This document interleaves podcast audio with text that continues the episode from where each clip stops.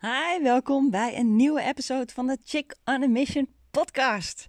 We zijn bij episode 6 en het is een belangrijke, intensieve, emotionele week deze week. Want deze week, vijf jaar geleden, arriveerden wij in Sydney vanuit Nederland. En het leek me een leuk idee om te vertellen hoe we hier terecht zijn gekomen. Want wie weet droom jij ook wel van een avontuur. Van een tijdje in het buitenland wonen. Van iets heel anders te gaan doen met je leven. Misschien wil je ook wel naar Sydney of een andere plek. Ik ben benieuwd. Van welke plek droom jij? Ik ga je vertellen hoe wij in Sydney terechtkwamen. En um, afgelopen week heb ik huilend over de Harbour Bridge gereden. Want ik besefte me dat het uh, een van de laatste keer is. Een van de laatste keren dat ik over die brug rijd. En ik was in mijn eentje. Um, ik reed over die brug. En het is zo mooi om uh, onder al dat staal door te rijden. En er was een blauwe lucht. En aan de rechterkant zag ik de Opera House glimmen in de zon. En ik werd er emotioneel van, want ik besefte me dat dit de laatste keer, of een van de laatste keer is dat ik over deze brug rijd. En al helemaal uh, in mijn eentje. Want we gaan een nieuw avontuur aan. En ik zal je aan het eind van de podcast vertellen wat we gaan doen. Maar nu de origin story, of dus hoe wij in Sydney terechtgekomen zijn. Ik vind het zelf echt een hele bijzondere ervaring om hier al vijf jaar te leven. We zijn hier voor het eerst naar Australië gegaan in 2012. Toen was onze dochter zeven maanden oud. Toen hadden we al een beetje een plan om in het buitenland te gaan wonen. En Sydney stond hoog op de lijst. En toen wij aankwamen in Sydney, was het eind 2012. Het was één dag, twee dagen voor oud en nieuw. En we hadden gigantische jetlag. Dus, maar we wilden natuurlijk oud en nieuw vieren midden in de stad. Want waarschijnlijk heb je wel eens op het journaal het vuurwerk van Sydney gezien, aangezien ze de eerste zijn en het is mega groot. En wij waren gewoon in het centrum van Sydney, waar het vuurwerk zou plaatsvinden. Nu hebben ze hier twee keer vuurwerk, één keer om 9 uur voor uh, family firework en één keer om 12 uur. Dus dat is al gaaf. En wij hadden een klein kindje, dus wij gingen om. We wilden die van 9 uur zien, dus we, we stonden om 8 uur stonden we in het centrum. we hadden de trein genomen. We hadden een hotel geboekt eh, in een buitenwijk, want oh, alles zat natuurlijk hartstikke vol. Oh, dat was een alarm van buiten. Ik ga gewoon door. Het was. Uh, uh, nou, dus alle hotels waren hartstikke vol. Dus we moesten een stukje met de trein. Maar we kwamen ongeveer om acht uur aan in het centrum. Super naïef, want het centrum zit helemaal vol de meeste mensen, hoorden we later, zitten daar al vanaf ochtends vroeg met een kleedje en eten en drinken. Omdat er anders geen plek meer is om het vuurwerk te kijken. En er zijn een heleboel plekken waar je het gewoon gratis kunt kijken. Dus wij liepen een beetje gedesoriënteerd rond uh, wat onze volgende stap zou zijn en waar we dan moesten gaan zitten.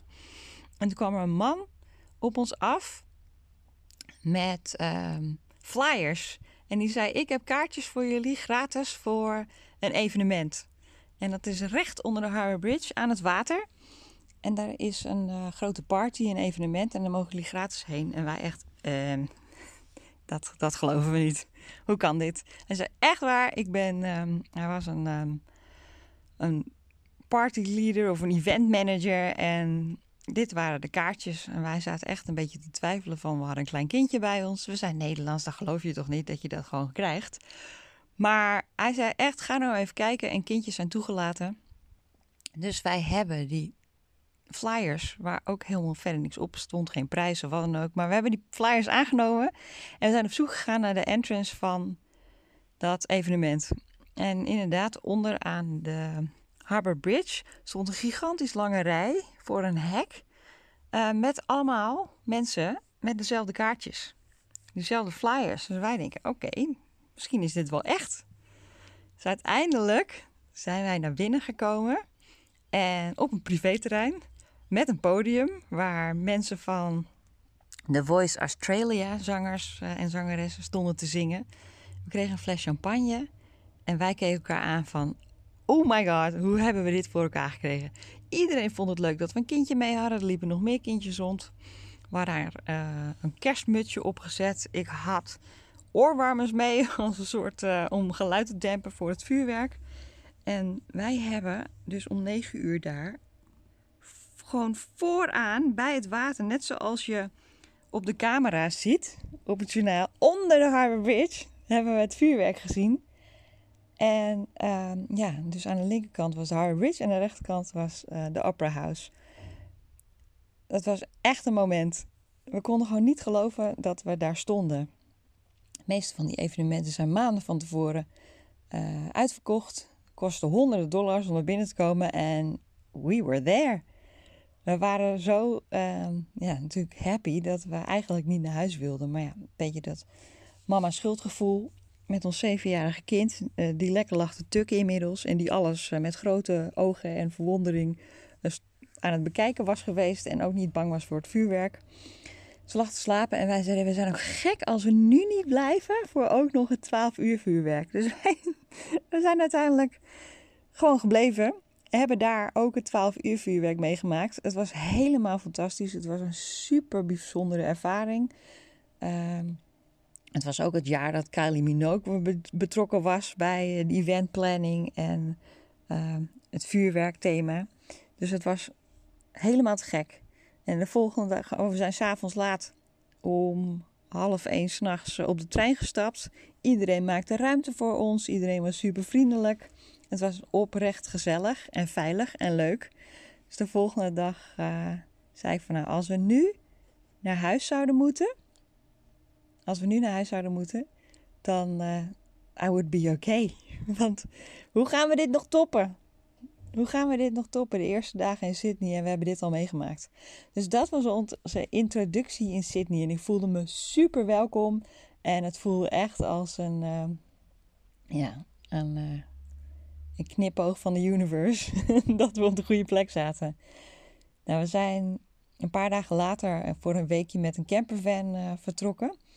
Om een beetje rond te reizen en meer van de omgeving te zien. Om kangoeroes te zoeken. En they were very hard to find aan deze kant van. Uh, en dicht bij de steden natuurlijk. Maar deze kant van Australië. Dat was echt hilarisch. Uiteindelijk hebben we een paar uh, kleintjes tussen de bossen gevonden. Iets teleurgesteld dat we niet meer hadden gezien. Maar uh, ja, het was een super mooie omgeving. En toen wij terugkwamen, moesten we de campervan terugbrengen. En we, konden, we moesten het midden door de stad en we konden door de tunnel rijden of met onze bus over de Harbour Bridge. En hier is het zo dat uh, onze zevenjarige dochter gewoon voorin mocht zitten met haar gezicht voorwaarts, wel in een kinderstoel. Maar we zaten dus gewoon met de drietjes op een rijtje, wat heel gek was, maar ook heel erg gezellig. En last minute zei ik, ga maar over de brug. En toen zijn we dus uh, met ons drietjes, met onze campervan, over diezelfde brug gereden, de Harbour Bridge. Waar ik dus uh, afgelopen week uh, met tranen in mijn ogen, van geluk wel, overheen reed. En deze herinnering ook weer omhoog popte. We reden daar en ik voelde me zo zielsgelukkig, zo op mijn plek. We keken over de stad heen. Ik zag de Opera House glimmen in de zon. Net als afgelopen week. En ik voelde me thuis. Het voelde alsof ik hier moest zijn. En uh, dat was voor mij echt een moment van: ik denk dat we dit wel kunnen. Ik denk dat we dit wel kunnen gaan doen. Nou, toen heeft het uiteindelijk. We hebben nog eens een heel deel van de reis gemaakt, maar dat was wel een uh, defining moment. Voor mij in ieder geval. Het heeft nog een aantal jaar geduurd. In 2016 zijn we uiteindelijk hier dus naartoe gegaan. wat ik heel knap vind aan, aan mijn partner, aan mijn man, dat hij uh, zijn moment altijd afwacht. Hij kan heel goed manifesteren, maar dat weet hij zelf niet. Want hij doet niet zo aan die taal. Maar um, als hij het in zijn hoofd heeft, dan gebeurt het ook. Dat is ongelooflijk. Net zoals het avontuur wat we nu gaan doen. Als hij iets in zijn hoofd heeft, dan gebeurt het ook. Op een gegeven moment is het gewoon echt afwachten op het juiste moment. Hij heeft overal zaadjes geplant in zijn organisatie. En op een gegeven moment kwam de directeur van uh, Australië, van zijn bedrijf, kwam naar Parijs. En hij wist dat en hij zei tegen mij: Marielle, ik moet morgen naar Parijs, want ik heb een afspraak. Ik zeg: Wat ga je doen? Een uurtje koffie drinken met iemand in Parijs? Yep, dat ga ik doen, want dit is mijn kans. En hij is dus gewoon uh, in de auto gestapt, heel vroeg, en naar Parijs gereden. Alleen maar om een uurtje met die man te kletsen. Maar uh, hij heeft het toen wel voor elkaar gekregen. Het duurde nog eventjes voor hè, dat alles, uh, dat er plek voor hem was. En uh, dat alle radertjes gingen draaien en alle puzzelstukjes op zijn plek vielen. Maar dat vind ik zo stoer dat hij dat moment heeft aangegrepen om naar Parijs te rijden. En dat het toen eigenlijk al beklonken was. Nou, dan ga je in moet je een visa aanvragen. En ja, dan gaat langzaam alles rollen. Dan ga je je huis inpakken. En uh, afscheid nemen van vrienden. En dan ga je dus de grote oversteek maken. Nou, als je me een beetje kent, ik ben vooral dol op het avontuur. Voor mij voelt het alsof ik uh, gewoon een tijdje ergens heen ga om nieuwe cultuur op te snijden. Ik maakte het redelijk klein in mijn hoofd van, nou, we gaan gewoon even op avontuur. En uh, truth be told, we zouden hier ook maar ongeveer 2,5 jaar blijven. Het is nu jaar 5. Dus ehm, ik was eigenlijk ook wel klaar voor een nieuw avontuur. Ik merkte dat ik, ja, ik ben gevoed en gevuld van uh, ons Sydney-avontuur. De COVID heeft wel natuurlijk ook impact gehad. Ik ben al twee jaar niet in Nederland geweest. Het gevoel dat je de hele tijd hetzelfde doet, is niet voor mij. Again, als je me een beetje kent, ik ben niet zo goed in. Ik kan me niet voorstellen dat je heel lang op één plek woont en naar dezelfde supermarkt gaat en de, de, naar dezelfde winkels en dezelfde dingen doet. En elk weekend uh, naar de zwemles met je kind. altijd hetzelfde. Ik, ik vind het zo gek. Zelfs hier had ik dat. Op een gegeven moment ga je elke dag naar, of elke weekend naar dezelfde supermarkt. Je neemt je kind naar zwemles. Je gaat vrienden opzoeken.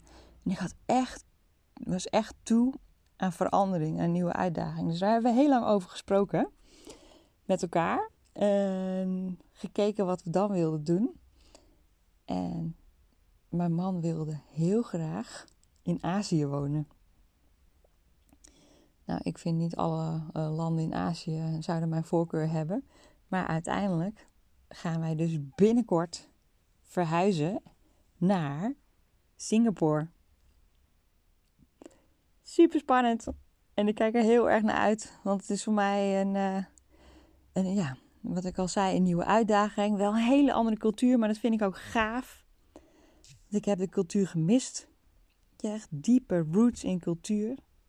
Er zit natuurlijk ook een sad story aan, aan Australië. Dat heel veel van de originele cultuur, Aboriginal culture, is weggevaagd. Um, het is een redelijk nieuw land. Dus wat we in Europa kennen aan cultuur en echte oude gebouwen en wat heel ver teruggaat, dat heb je hier gewoon niet zo. Dus in Singapore is heel veel cultuur en heel veel verschillende culturen. Dus ik ga uh, waarschijnlijk uh, mijn uh, ogen uitkijken en mijn hart vullen. En je meenemen op avontuur en op de reis. Ik kan niet geloven dat we alweer vijf jaar verder zijn. Time flies when you're having fun wat ik er mooi aan vind. Ik heb ook in, uh, in mijn studententijd een jaar in Kaapstad gewoond. En wat ik er mooi aan vind, dat het heel defining is. Als je elk jaar hetzelfde doet of je leven leidt, uh, rijgen de jaren zich een beetje aan elkaar. En ik weet dat het jaar dat ik in Zuid-Afrika heb gewoond, in Kaapstad, ook nog zoveel dingen, zo glashelder, omdat het zoveel impact heeft gehad. En dat vind ik hier ook heel gaaf. We hebben zoveel momenten meegemaakt die heel veel indruk hebben gemaakt. En nieuwe vrienden leren kennen en nieuwe avonturen beleefd. En ehm, ook de, ja, gewoon de Australische cultuur uh, ontdekt. En hoe dat, dat je gewoon in een cultuur mag leven. Dus bijvoorbeeld onze dochter naar school, die opeens een school uniform aan moet. Ehm, andere gebruiken rondom ehm, lunch even. morning tea hebben ze hier. Waar ze, denk ik, oké, wat moet je hebben voor morning tea? ze hebben hier Easter Head Parade. Wat is dat, Easter Head Parade? Ga je dat eens uitvinden? Hoe vieren ze hier kerst? It's fun. Dus ik zeg van gebrek aan cultuur. Maar natuurlijk hebben ze hier een eigen cultuur. Alleen het, het, het is heel erg afstammend van de Engelse cultuur. Dus hier denkt niemand over na waarom ze kerst in de zomer vieren en waarom ze dan kerstmutsen op hebben en uh, kerstbomen met nepsneeuw. Het is zo normal. Maar dat vind ik dus heel grappig, omdat je er nog met vreemdelingen ogen naar kunt kijken. Dus ja, we gaan naar Singapore. Ik heb sinds vorige week, of sinds ja, de week dat ik over die brug heb, ben gereden, heb ik wel heel duidelijk gevoel van het gaat nu echt gebeuren. Het, het gaat ook bijna gebeuren. We weten nog niet precies de tijd, ook again door COVID een beetje. Maar uh, onze visumaanvraag wordt nu geprocessed. En ik verwacht dat we over ongeveer twee maanden die kant op gaan. Uh, we hebben nog geen ticket geboekt, dus it's not set in stone yet. Maar dat zou dus betekenen dat we over acht weken hier al niet meer zijn. En dat brengt ook weer van alles met gewoon emoties met zich mee. Maar vooral heel veel dankbaarheid. En ik ben uh, enorm aan het opruimen. Echt, Marie Kondo uh, is er niks bij. dat is wel een leuke vraag die je zelf kunt stellen. Als je zin hebt om op te ruimen. Als je dan heeft Marie Kondo heeft drie. Uh, je moet het in drie stapeltjes verdelen. Uh, dit wil ik houden, dit wil ik niet houden, dit wil ik misschien houden. En uiteindelijk de misschien stapel gaat ook weg. Nou, ik heb nog een vierde stapel. Ik heb nog een checkvraag. Als ik het uitpak hè, op ons nieuwe adres in Singapore. En dat had ik vanuit Nederland ook. Als ik het uitpak aan de andere kant van de wereld, ben ik er dan nog steeds blij mee. En dan merk je dat er heel veel weg kan. Dus uh, intensieve weken voor ons komen eraan. En mijn vraag aan jou is: welk avontuur heb jij op je hart? Wat zou jij heel graag aan willen gaan in this lifetime? Wat zou je heel graag nog willen doen? En met wie zou je dat eigenlijk nu moeten gaan bespreken? En welke stappen zou je daarvoor kunnen zetten? Het is tijd om het hardop uh, uit te spreken. Uh, to the universe en naar je omgeving. Ik ben heel benieuwd. En je mag mij altijd een berichtje sturen, dat weet je. Nou, dankjewel voor het luisteren. En tot snel. Doeg!